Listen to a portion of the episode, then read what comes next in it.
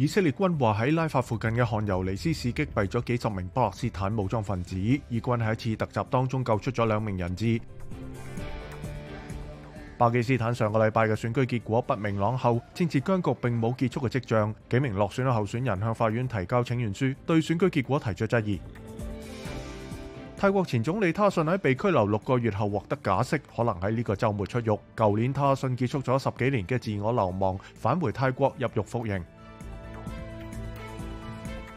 据俄罗斯内政部话，俄罗斯警方已经将爱沙尼亚总理同国务秘书以及立陶宛文化部长列入通缉名单。